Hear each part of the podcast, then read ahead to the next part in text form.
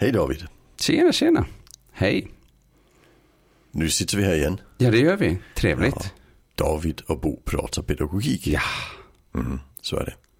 Vad ska vi snacka om idag? Ja, men eh, vi har ju en eh, intressant fråga som eh, jag tänker i det här med etikettering. Mm. Alltså det här med när vi eh, benämner människor och sätter namn på egenskaper och så. eh, Eller det som man då på engelska kallar labeling. Ja, precis. Ja. Mm. Det är ett spännande begrepp. Det är ett spännande begrepp, ja. Ja. Eh, Den första som där jag har stött på det i alla fall, det, Ja. det var Tom Kidwood. Och Mm. han sysslar egentligen med demens.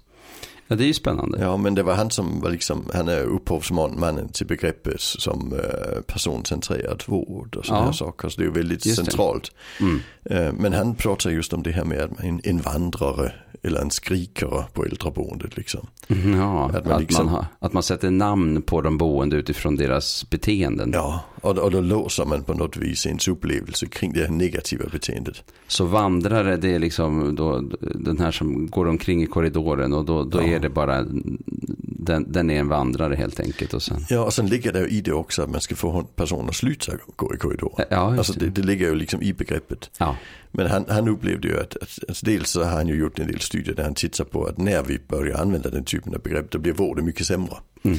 Och det är därför han, han kallar det ju eh, ödeläggande det var eh, socialpsykologi eller något Ja. sånt där. Ja precis, det, det är något sånt han, Ja. eh, han är ute i liksom. Men Mm. det är inte, är inte så intressant. Men, men, men han lägger det till i de vi kallar negativa faktorer Ja, precis. eh, för, för bra vård. För han, även om vi lablar, även den vi kallar eh, alltså hon den glada och så vidare. Mm. Det blir inte bättre. Nej, det finns problem där. Ja, för, för Mm. det blir ju att, att vi upplever att vi inte kan påverka. Mm. Men du har det. stött på det i mer i skolsammanhang. Ja, men precis. Alltså, dels är det ju det att eh, John Hattie som ju gjorde en enorm mängd eh, forskning och eh, har sammanställt massa, massa, flera tusen nu, eller ett, ett tusen åttahundra, jag kommer inte ihåg, metastudier. Han hade ju med det som ett begrepp att när man inte använder labeling så är det väldigt positivt för studieframgång. Ja, så han hade med det som en viktig faktor. Den låg på effektmått 0,61. Eh, Mhm. Och eh, då så säger han att medianen ligger på 0,40 av alla de variabler som han hade. Så allting som ligger över 0,4 eh, är bra. Mhm. Och sen fanns det också vissa variabler som låg på minussidan. det här kan vi dyka ner i mer någon annan gång och titta på det. Men, men eh, jag tyckte just det här med att inte etikettera, Mm. det är betydelsefullt. Ja. Och vad är det för etiketter han tittar på i skolan då? Ja, just det. Jag vet faktiskt inte exakt vilka etiketter. För han tittar med metastudier, så det är säkert alla möjliga. Eh, men eh, jag tänker att det som man stöter på, det har vi ju stött på. Det är egentligen samma sak som vi stöter på i olika eh, sammanhang. Men det är ju sådana här saker som eh, envis, uppmärksamhetskrävande, Ja, precis. eh, ibland ja. till och med elak, lat. Eh, Mhm. Omotiverat. Omotiverad, ja men precis. Mm. Eh, och, och det som jag tycker ju mig se som blir ett problem, det är ju att eh, när man använder sig av den typen av begrepp eller eh, etiketter på barn, eh, då blir det som att man, man, eh, man liksom låser sig för att Mm. Vi ska ju inte in och skruva på barns personlighet på något sätt. Liksom. alltså det blir som att ja, men den är som den är. Liksom, och, Mm. och då börjar vi titta på eh, liksom, barnet och att barnet eh, ja, borde inte vara så här. Och vi börjar prata, tänka på föräldrarna och varför de har blivit på det här sättet. Och Ja, föräldrarna har gjort det här barnet till ett envist barn eller ett elakt Ja. barn eller ett barn som är lat. Liksom, eller, Ja, vi ko- kommer vi alltså in i curling och hela den här Hela biten. den här biten, ja. precis. Ja. Ja. Det är ju jättespännande. Ja. Så, så att jag, jag ser det liksom som att vi hamnar i en återvändsgränd helt enkelt. Ja. Men vad tänker du just de här, vad ska vi säga, alltså när vi, när vi säger han är omotiverad. Mm. Alltså vi säger inte det, han lyckas inte för att han är omotiverad i situationen utan vi lägger liksom på ett, Vi lägger på det som ett raster. Liksom, Ja. den, den, allt han gör handlar om hans omotivation. ja, ja, men liksom. typ. Ja. Och det är ju inte så att eh, det inte finns som ett fenomen och att det inte finns som ett problem. Det är klart att, eh, att motivation det- finns som en fråga. Men frågan är hur löser vi det? Och är det, ligger det bara hos eleven? Eller finns det något mått av vad så att säga, vi själva gör eller vad de vuxna gör? Ja, alltså jag skulle ju faktiskt säga att det finns ju ingen som är omotiverad. Nej men alltså man är, och då hamnar man ju i, eh, vad, lig, vad, vad ligger nivån på det vi håller på med i relation till Mm. var eleven befinner sig någonstans eller barnet befinner sig någonstans. Jo men jag tänker också, alltså, om, om jag funderar på mig själv så är jag varken en motiverad eller omotiverad person. Jag är väldigt motiverad till vissa saker och väldigt omotiverad till andra saker. Ja, och det är ju, alla människor är olika mycket motiverade till olika saker. Ja, och, och jag tänker jag är omotiverad för det som inte ger mening. Mm. Och har vi då en elev där skolan inte ger mening då är det inte så konstigt att det fattas motivation. Nej, precis. Men det är ju problematiskt att liksom säga att, att det är en faktor. Ja, Alltså- därför att vi kommer ju inte heller så långt med den förklaringen. Nej. Som, alltså som förklaring så blir det ett väldigt problem. Ja, för det, det betyder ju att vi får lagt ansvaret fel. Ja, men precis. Mm. Det hade vi egentligen tänkt att snacka om i, i nästa podcast. Ja. Men, men, men det just... Attributionsteori. Ja, precis. Men, men grunden här är egentligen det här tanken att, att när vi attribuerar, som vi säger, när något blir fel, om vi då lägger orsaken på fel ställe, så får vi ingen möjlighet att påverka. Nej. Det, det, är, det är det som är attributionsteorins grundtanke. Och, och de som kom på det, till exempel Ross och Nisbet, de har ju snackat om det i förhållande till att labla sig själv. Mm. Det är ju lite spännande. Ja. Alltså det här med att jag misslyckas för att jag är värdelös. Ja, just det. Och det är ju hela grunden för KBT. Alltså Aaron Becks arbete som utvecklar KBT handlar just om att du måste ändra bilden, alltså beskrivningen av dig själv Just det. för att kunna gå vidare därifrån. Så Mm. det, det bottnar ju egentligen i samma tankar liksom. För det visar sig att den som, den som tänker det blir ju Ja, deprimerad. det, det blir en självuppfyllande profetia i princip. Ja. Att man, att man rör sig i den riktningen. Och jag tänker på en del eh, ungdomar också. Att det, det är ganska vanligt det här, tänker jag. Med, eller jag ser det med, med eh, att man på något sätt lägger sig på den lägsta nivån. Till exempel i gymnasiet inför ett prov. Ja. Jag är så kass, jag kan ingenting. Det kommer gå åt helskotta. Jag har inte pluggat någonting. Jag började igår kväll vid 22. Liksom. Och sen så eh, gör man provet och så fick man ändå hyfsat bra. Alltså som ett sätt att, eh, för att det är ju det här med olika delar, alltså de här som ofta får A, för de är det en absolut katastrof att få ett B plötsligt. Alltså de blir helt förtvivlade då. ja, precis. Så det är ett sätt, Eh, ett och, sätt så att att överleva. nivån, ja, det, det, precis. Så att eh, för att liksom garantera att, att man eh, liksom eh, säkra upp besvikelsen ifall man inte skulle få det där A, då säger man att man är helt kass helt enkelt och inte har pluggat någonting. Och så. Ja, men, men där tänker jag att det, det är ju det är ju inte riktigt labeling. I- Nej, men jag bara tänker på det här som du var inne på. Ja, alltså, att man, ja, om du verkligen, om det är något som är viktigt för dig och du säger jag är värdelös på detta, då blir det ju, påverkar det ju självkänslan och Mm. Ja. så småningom Mm. blir du deprimerad. Just, Men om det är något du inte tycker är viktigt. Jag, jag läste en jätterolig Ja, studie. Den, den, jag tycker den är jätterolig den Ja. här studien. Den handlar om eh, kvinnor och mäns eh, tendens att göra det tråkiga jobbet. mm, Eh, Och det visar sig att kvinnor, i, när, vi, när det är män och kvinnor på arbetsplatsen, så de tråkiga jobben, där finns en tendens att kvinnor slutar, eh, det, det slutar med att kvinnor har dem. De här extra uppdragen som, som inte ger någonting personligen. Och ett av sätten som männen att hante- alltså komma undan, det säga att de är värdelösa på just det. det är som att ja, men jag kan inte diska så slipper jag. Då tar Ja, precis. typ frun hand om det. Om Ja. det nu är så traditionellt. Ja, precis. Ja, precis. Ja. Det, det, det, det, det är min, min strategi. Just det, just det. Ja, Så jag, jag, har, jag har som strategi att jag diskar inte för hand, jag kör allt i maskinen för det, det blir inte bra annars. Men jag har Nej. inte heller tänkt, jag ska verkligen lära mig att diska för, för i, i, i min barndom så hjälpte det ju att inte vara så duktig på det. Man kom ju undan. Man kom liksom. undan. Ja, precis. Ja. Och där tänker, så där tänker det påverkar ju inte min Sen brukar du självkänsla. säga att motorik, det är inte din vassaste sida. Nej, motorik är inte min Nej, vassaste så det sida. kan ju så vara så att det faktiskt blir ganska orent också. Eller jag menar, det blir inte så fräscht. Det kan absolut vara så. Men ja. du skulle absolut kunna bli bättre på det, det tror jag. Ja, men jag är, lite, jag är också, också en lite småslarvig person på vissa Ja, delar. Så det, det, Ja, så så det, det, så men, men, men alltså, om jag verkligen tänkte nu ska jag bli världsbäst på detta, då är jag helt övertygad om att jag skulle kunna det. ja. Alltså, alltså så är det, men nu har jag gjort den här lösningen att nej, jag låter ingen annan diska men jag kör det i maskinen. ja, just det. Ja, och, det går, det. går bra med mycket, men det kanske inte går bra med allt. Nej, Nej. nej så, så kan det vara. Så att ja. det där, ja. och, det blir då Men då gäller det att köpa blir. rätt saker till hemmet och inte Ja, peta det- in sina några Nej, så, så är det, ja precis. gamla eller fina saker. Ja. Nej. Men, men där tänker jag, det påverkar inte självkänslan negativt, för det är ju för att jag inte tycker det är viktigt. Mm, ja, just det, precis. Och, Och det är jag tänker den här ungdomen som, eh, som också inte pluggar på provet, det är ju inte, det är för att det är inte så jäkla viktigt.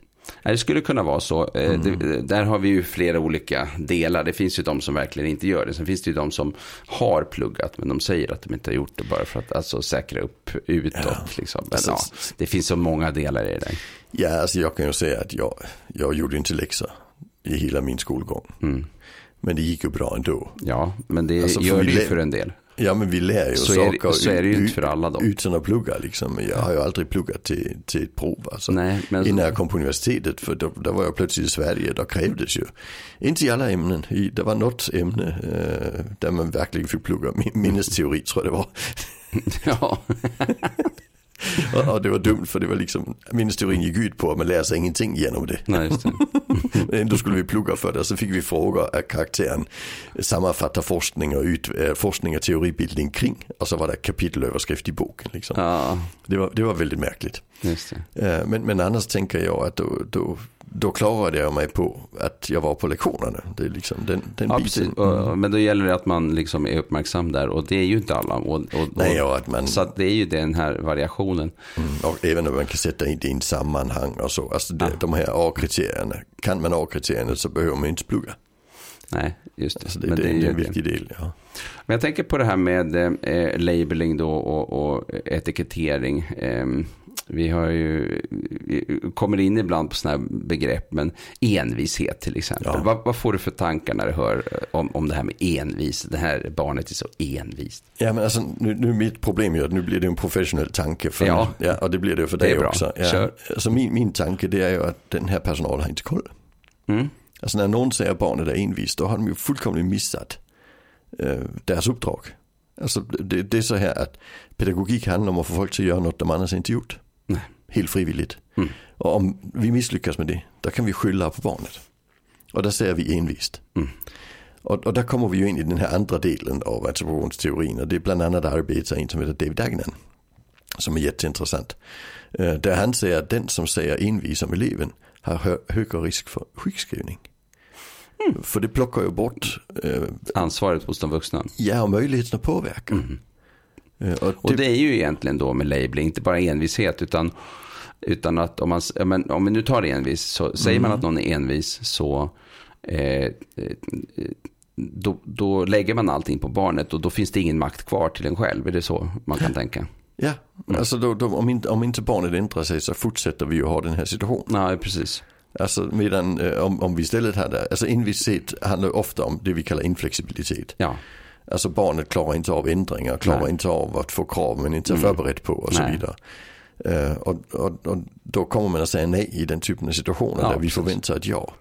Eh, och där tänker vi att, alltså där ligger en lydnadsförväntan, det är en väldigt komplex situation. Mm.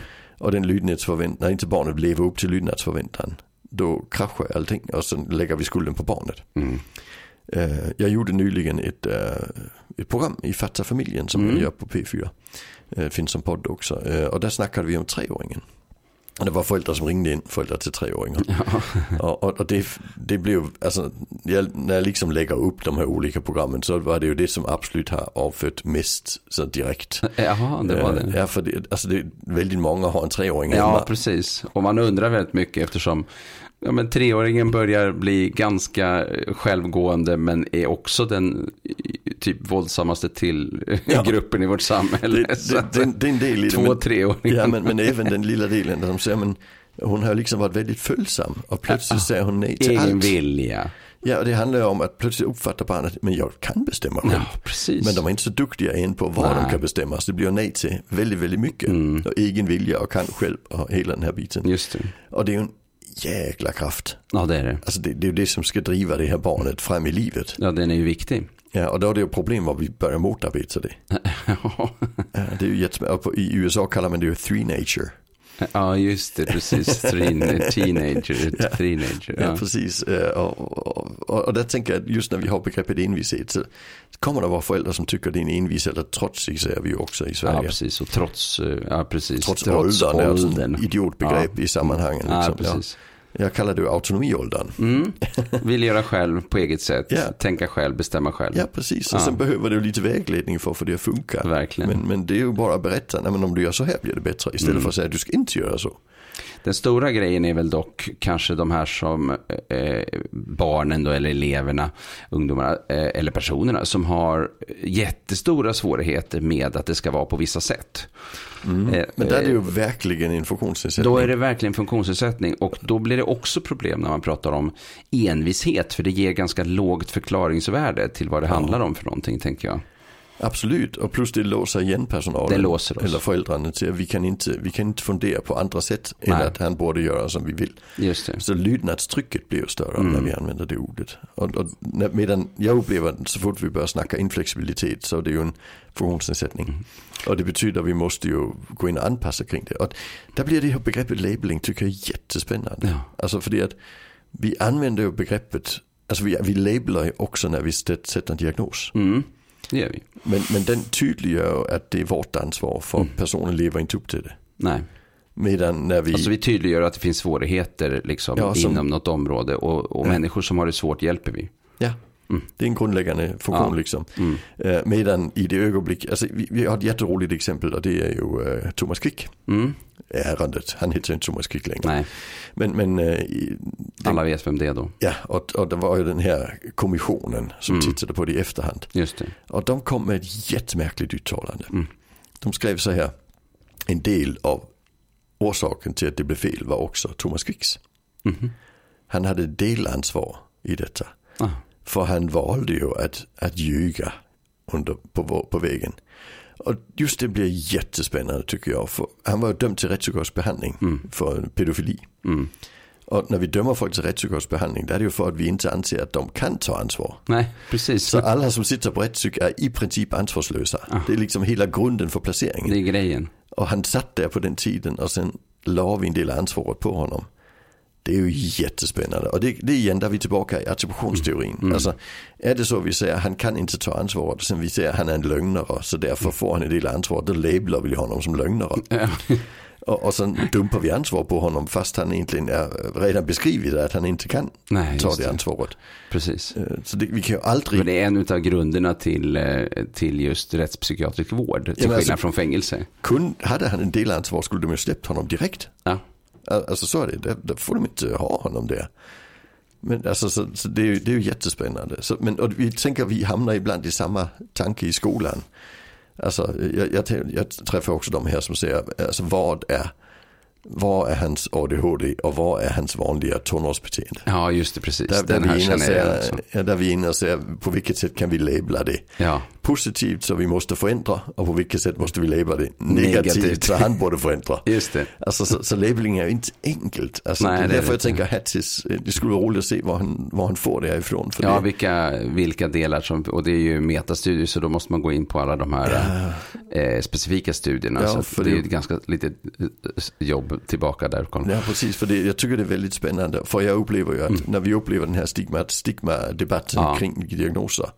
Där upplever jag att den är ganska förfelad. För Mm. då tänker man ju labeling som att då är det rökt. Ja, det är typ, eh, ja, men vi har ju begreppet stämpel i pannan. Ja, precis. Eh, och det intressanta är ju att forskningen ändå har visat att det är, inte, det, är inte, det är inte diagnosen som är mest stigmatiserande. Det är alla beteenden och, och all, allting som omgivningen gör runt omkring Ja. den här eleven eller barnet som Ja, får jag- den här diagnosen. Precis. Det är det som är stigmatiserande. Ja, det tänker jag få ett label eller en etikett som att man är Den ofostrad. stökiga, eh, Ja. liksom, eh, eh, så, och oansvarig, och ouppfostrad unge, alltså hela det där begreppet. Ja. Det, det blir ju stigmatiserande. Mm. Medan, medan ADHD blir inte lika stigmatiserande. Det har ju SBU slagit fast i en, en gång i en, en, Mm. Nej, precis. en, en Ja, det finns ja. ju tydlig forskningsstöd för det. Ja, precis. Eh, Men, men så, så vi är ju lite där, alltså när vi diskuterar dessa frågor så blir det väldigt svårt. Ja, Alltså för vi är överens om att vi ska inte labla negativt, men det Just funkar det. ganska bra att labla positivt. ja för att, eh, och det, eh, men det måste ju ändå hela tiden komma tillbaka då till, till den här frågan om, om ansvarsdelen. Att eh, för den som har en diagnos, om man har språkstörningsdiagnos, mm. ja, men då fattar vi att vi måste anpassa ja. i relation till språkstörningen. Eller till mm. ADHD, eller autism, eller vad det nu handlar om för någonting. Mm. Dyslexin, eller vad det Och att det är eh, det är den, den, det här ansvarsfrågan som blir den stora frågan egentligen när vi ja. pratar om, om stigmatiseringen. Att, eh, ja, stigmatis alltså när vi använder label ska det innebära att då får omgivningen ansvaret. Ja. Demens är ju också ett label, medan skriker är också ett label. Men demens innebär att vi måste stödja skriker att hon borde sluta. Ja, just det, precis. Det är det som är skillnaden. Ja. ja. Så, ja. Och, och, det, finns, alltså, det här det bygger egentligen på väldigt mycket på arbete av någon som heter Bernhard Wiener. Mm. Och han gjorde några jätteintressanta studier på 80-talet när aids äh, dök upp för första gången. Äh, och det han tittade på där, det var vilken vård olika grupper fick. Mm. Och då upplevde han ju att blödarsjuka som blev smittat på grund av deras sjukdomar för de skulle ha blod. De fick ju väldigt, väldigt bra vård. Mm. Men missbrukare som blev smittade för att de hade delat sprutor. De fick mycket sämre. De fick mycket, mycket sämre vård.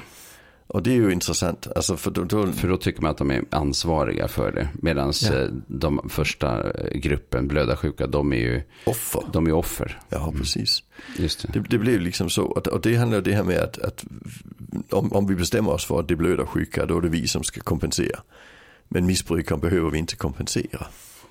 Det är också väldigt intressant med tanke på att eh, just inom missbruksvården så ser vi ju att det är så oerhört mycket Alltså allt finns ju där på något sätt. Ja. Trasiga familjer, ne mycket neuropsykiatri, psykisk mm. sjukdom. Alltså det är så eh, tung, tunga ja. eh, liksom, stora svårigheter bakom i den gruppen. Så att de skulle behöva enormt mycket stöd och jättemycket bra vård och precis ja. tvärtom. Ja, vi ser, jag vet inte, nej du, nu sitter du, du bor i Stockholm. Mm. Så du vet ju ingenting om Göteborg, eller hur? All, alldeles för lite antagligen. Ja, ja eh, faktum i Göteborg, det är ju situation Stockholms eh, motsvarighet. Ja, just det, precis. Ja, mm. De har gjort en granskning av missbruksvården och, ah. och just tittat på det här med att spärrlistor och karantän och att folk blir ah. utslängda från härbergen ja, och så. På bakgrund av det beteende som de har. Mm. Och vi har gjort de här verksamheterna för att det finns folk med de här beteenden och så ja, blir precis. de spärrade för att de har det beteendet. Ja, precis. Och det är ju en jätte, alltså det, det är liksom sommarens snackis mm. i, i Göteborg här. Mm. Att, att hur fan kunde vi göra så i offentlig vård? Just det. Men det handlar om att labeln som heter missbrukare, mm. det är väldigt skambelagt och väldigt kopplat till, han kan låta bli om han vill. Mm. Det, är bara, det är bara att lägga av. Mm. Det är bara att sluta dricka. Mm. Det folk har ju verkligen den föreställningen. Ja, och sen, eh, jag har ju liksom träffar ju nu folk som eh, jobbar med just missbrukare eh, och hemlösa och ser ju att eh, det finns en, en sån eh, otroligt stark eh, kraft av att vilja hjälpa och, och stötta och mm. hitta ingångar och så. Men det finns också den här starka kraften som handlar om att så här kan man inte bete sig och, mm.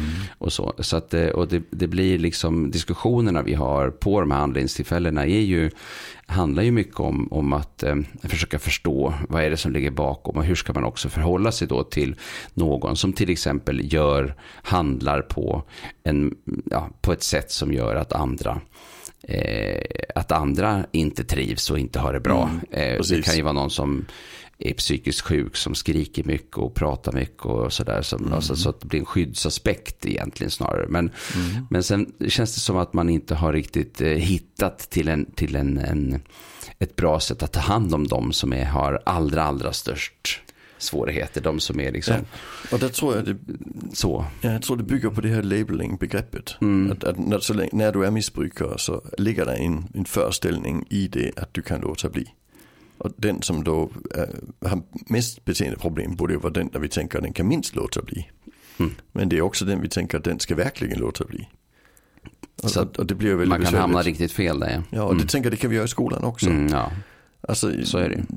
Just det här med, alltså ADHD-diagnosen är ju mm. jättespännande i skolan tycker jag. Mm. Dels för att det är relativt många barn, alltså vi räknar ju runt 5% ska ju ha den diagnosen. Ja, precis. Alltså, det är något sånt där. Ja, och det är lite mer på sina håll. Till ja, det, ja, precis. Det, det, är en del faktorer som spelar in i detta som gör att det blir mer. Ja. Eh, både, både demografiska och allt möjligt ja, verkligen. Stora skillnader. Ja, Hur men, vården är organiserad och allting. ja och men, men även så, alltså rent i, i länder där, där det är många, eh, alltså i länder där en stor del av populationen har flyttat från ett annat land, Mm. då har vi mer ADHD. Också. Ja, Mm. alltså Inte ganska, ganska enkelt därför att de som flyttar till ett annat land, de, de är lite mer risktagande. Mm, mm. Så det, och det är ju ärftliga grejer det, alltså det är inte så konstigt. Också, ja. ja. Precis, det finns en sån komponent också. Ja, ja, så Mm. det är många komponenter i det. Ja, men, men, det. men det spännande där det är att just det beteende som de eleverna har är ju liksom absolut skolovänligt. Ja, väldigt. Och, och då blir ju diagnosen kan ju Det verkligen faktiskt, vända bilden. Ja, det kanske faktiskt en, en av de, eh, när man har med särskilt obehandlade och svårare ADHD, det är nog eh, en av de minst framgångsrika. alltså det är störst problem kopplat till skolan. Jag tänkte, Eh, Hats- mycket, Hatsim- mycket, mycket större än, än vad man har liksom pratat om. Ja, Hatti hade med det på sin lista. Han på Han sin lista. pratade om Mm. att ehm, eh, ADHD-diagnos, det är, ligger på minus 0,90. Alltså så att om, om plus 0,40 är liksom Genomsnittet. eh, ja. genomsnittet på, på alla de här 250 variablerna så låg det väldigt, väldigt, väldigt lågt. Och det pratar han inte om. Så, och det menar han ju är ett riktigt problem. Det är faktiskt den som ligger eh, värst, eller vad man ska säga, den ligger sämst till. För, eh, ja, eh, så det är riktigt allvarligt helt enkelt. Ja. Men, och just det här att skolan har tagit så fruktansvärt lång tid på sig att hitta bra strategier. Eh, för att handskas med det, Mm. eh, som är mer än att bara hålla på och trycka på att det ska till en utredning för medicinering. Det tycker jag är ganska problematiskt, att man inte har gjort Absolut. mer. Ja. Eh, så. Ja, alltså jag tänker att från en klinisk erfarenhet det är att ADHD är det som ställer till det mest i skolan. Absolut. Alltså det är alla kategorier. Mm. Eh, dels för det att, att skolan tänker vi kan medicinera bort det. Eh, men, men också för det att, att det är en grundläggande del i skolan att du ska sitta på din stol. Ja, men precis. Och det tyckte jag nu, du gjorde en intervju med Magnus Blixt. Ja, precis. eh, Som ligger här ett par, några Ja. avsnitt bakåt i potten. Ja, precis. Och där var något som jag tyckte var riktigt guld som han sa. Mm. Han sa det här med att men förr i tiden där var det så att man var tvungen att resa sig när man skulle svara läraren. Ja, Och därför satt man ju inte ner hela dagen. Det var ju jättespännande tycker jag. Alltså medan idag så ska man ju sitta i 45 minuter åt gången liksom utan att resa på sig. just det. Alltså, Det är intressant. det är Liksom. jätteintressant. Att man behöver stoppa in mer rörelse egentligen. Vissa barn behöver ju, eller Ja. elever behöver mycket mer rörelse. Ja men, Möjlighet. men där tänker vi fem minuter en, Ja. en gång mitt i lektionen. Alltså Mm. jag träffar ju, jag, jag hade en, vi hade en, en, en kille vi utredde och sen sa läraren, han kan inte ta emot kollektiva meddelanden. Nej, Okej, sa jag, vad menar du? Ja men när jag berättar för klassen så måste jag berätta för honom efteråt. gruppinstruktion, ja precis. Så sa jag, hur stor är klassen? Två elever sa hon. Ja, Och då snackar vi ju om att det hjälper inte att han får fem minuters luft mitt i lektionen. Det är ju en helt annan nivå liksom. Ja, man måste till med någonting annat. Det här är ju det är en jätte, jätte, jättesvår eh, fråga förstås. Det. Men, ja. Mm. Och, och just det att vi inte tänker, där, där blir man kan säga, jag tycker det är viktigt att vi, när vi använder ett label som det då blir positivt ADHD i en diagnos. Det blir, där är fortfarande negativa delar av label. Nettopp det, just det här med att vi inte tänker att man kan variera det. Mm. Alltså så vi tänker ADHD är en sak. Just det. Medan jag tycker skillnaden mellan barn med ADHD är betydligt större än skillnaden mellan barn utan. Ja. Enormt stora. Alltså du kan ju ha de som är ganska tysta men ofokuserade. Så kan du ha de med enorma vredesutbrott dagligen. eh, eh, Som Mm. Ja, ja. eh, far iväg och är, extremt eh, utåtriktade och, och, och allt vad det är för någonting. Enorma skillnader. Kasta stol och det är ju ett av eh, skälen till varför en del liksom tycker att det är svårt att begripa sig på ADHDs bredd. Liksom. Nu ska vi inte prata om det, men, men är, det är intressant. Eh, så. För det, för det betyder att, att alltså vi- där jag tycker egentligen ADHD som diagnos är positivt. Det ser vi också på forskningen i förhållande till beteendet. Just Men det. det är ju problem att vi sen låser oss på ADHD. Alltså, vi hade problem med Aspergers syndrom också. Alltså, det, det, det, det blev marknadsfört som lättare autism. Ja, precis. Eh, högfungerande autism. Ja, och hälften av de med den diagnosen klarar sig utan stöd i skolan. Ja, Men hälften gör det verkligen Nej, inte. precis. Så, så det blev så, men det är Asperger, kan vi ha honom i vanlig klass. Mm. Nej, Ja, så det beror på. Ja. Och ADHD är det verkligen så att det, det är enorma skillnader. Nu har vi pratat lite om ADHD. Då tänker jag på det här begreppet uppmärksamhetskrävande. Eller Det är ett eh, också. eh, någon som är upp, sö, uppmärks, söker uppmärksamhet hela tiden. Ja. Får man höra ibland. Vad, vad får du för tankar när du, när du hör de här begreppen eh, nu? Eftersom uppmärksamhetssökande också blir en slags etikettering. Ja, alltså för det första tänker jag det är ett Stockholmsbegrepp. Alltså, ja, okej. Eller inte bara Stockholm, men Mälardalen. Ja, okej. Och orsaken till det, det, det är ju att, att eh, vad ska vi säga, att eh, alltså beteendeterapi och KBT är mycket, mycket större i Stockholmsregionen. Så vi har psykologer med den bakgrunden som sitter här. Och, där, och det är ju ett sånt nyckelbegrepp där att vi kan jobba med uppmärksamhetssökande genom att inte ge uppmärksamhet. Så vi kan jobba med släktingar, Ignorering. ignorering av släktingar och beteende. Liksom. Eh, och på ställen där man hade tänkt på det viset, då blir det ett väldigt logiskt begrepp. Mm. Medan, medan i resten av landet där vi inte riktigt är så, så våldsamt eh, beteendeterapeutiska, där ger det inte riktigt mening. Alltså då pratar vi om, om, om oftare om ett uppmärksamhetsbehov. Alltså, eller ett socialt behov ändå, eh, till och med, alltså extraversion. Eh, och, och, så det blir en personlighetsfaktor också, men det blir inte något vi, det, blir- vi flyttar över det till något vi måste förhålla oss till. Istället för något vi måste ändra Ja, på. och det är ju lite intressant. För behov, då får vi ju en, en slags bild av att vi som vuxna ändå kan eh, behöva hjälpa till med det på något sätt. Ja. Vi behöver hjälpa till att fylla behovet på något Ja, sätt. Eller vad man ska säga. Mm. Så, så jag tycker det, det, det, det, är väldigt tydligt för mig i alla fall som Mm. reser en del runt. Att det är ett begrepp som hör hemma i ett visst sätt att tänka. Mm. Det som är kopplat till hur vi ska hantera det. Medan jag inte upplever det på samma vis när man tänker mer neuropsykiatriskt. Nej, Jag har ju haft mest handledning i de här regionerna så jag har lite sämre eh, kanske koll också på hur mycket det används i, i andra delar av landet. Eh, Jag kan ju tänka mig att uppmärksamhetskrävande ändå skulle kunna vara ett ord som används i olika sammanhang för att man ser barn som liksom, Ja. man har den, den upplevelsen liksom. Ja men, men jag upplever det är alltså, inte alls lika mycket som i den här regionen. Nej, för det men det är första. mycket möjligt, ja. Och, och för, det andra, det. Mm. för det andra upplever jag att, att det, det är mycket lättare att jobba med eh, och plocka bort det ordet i andra delar av landet. Mm. Medan det, liksom, det sitter mycket mer fast här. Ja, okej. Alltså för det sättet att tänka är, liksom, är, är nött in i skolan. Ja, just det. Mm. Bortse ifrån och, och ignorera och släcka. Mm, Ja. Just det. Mm. Alltså, och, och, och jag upplever en del av de barnen får ju ganska illa när vi börjar med det. Mm. För det är ett behov. Alltså de där det är behov att bli sedd för att de ska uppleva att de hör till och så vidare. Det, det här finns ju också i Hattis eh, lista som positiv Ja, det- faktor. det är att som de är tycker sig intressant. omtyckta. Ja, just det, precis. Och just ja. de här barnen känner sig extremt oomtyckta om de ignoreras. Ja, precis. Och det blir negativt för deras skolprestation i så fall, enligt Hatti. Precis, han hade någon sån här elevens upplevelse att inte vara omtyckt. Den låg på minus 0,19 så det är en väldigt Ja. kraftfullt negativ att Ja. man inte känner sig omtyckt. Ja, Eh, och det är, så det är ju väldigt allvarligt. Eh, Mm. Och det är ju intressant då för eh, det här med när kommer vi som eh, stödpersoner ut i verksamheterna egentligen mest. Mm. Och jag kan ju tycka att eh, de här barnen som, som eh, är lite svåromtyckta. Där de är lite klart överrepresenterade tycker jag Ja. i, i de ärenden som man kommer in i. mm, det tycker jag vi ska göra ett poddavsnitt om. Ja, det kan vi göra ett Det eget tycker, poddavsnitt. ja, det tycker jag är jättespännande. Ja, Just det, den det, biten, ja. det, det är också... Det, Det är dels också att de är mindre omtyckta, men, Mm. men också det här med känslan av det. ja, Och precis. jag, jag blev lite mörkrädd för jag, jag, av en kollega så blev jag introducerad till Krys eh, föräldrastödsmanual. Och, och, och den går ju ut, i princip ut på att ignorera negativt beteende. Mm. Den är väldigt KBT så att säga. Ja, det är den. Ja, Jag och- och det till det. Och det tycker jag är jättekomplicerat. Alltså, Mm. Jag förstår ju vad man säger, men jag upplever alltid att vi måste, vi måste koppla det till att fylla behovet också. Ja, och särskilt just när det gäller den här ignoreringsfrågan. Den tycker ju föräldrar inte är så bra, har jag Mm. förstått, när man har utvärderat föräldraprogram. Så jag har lite svårt att förstå varför den har Mm. fått så starkt fäste just den. Men, Ja, eh, men- men det som så- enda strategi liksom. Ja, som del, en dels tror jag det är en, en, eh, en, en rent, alltså för att den, den är så central i, i Mm. tänket. Ja, just det. Eh, och, och sen skyller jag lite på Martin Foster också.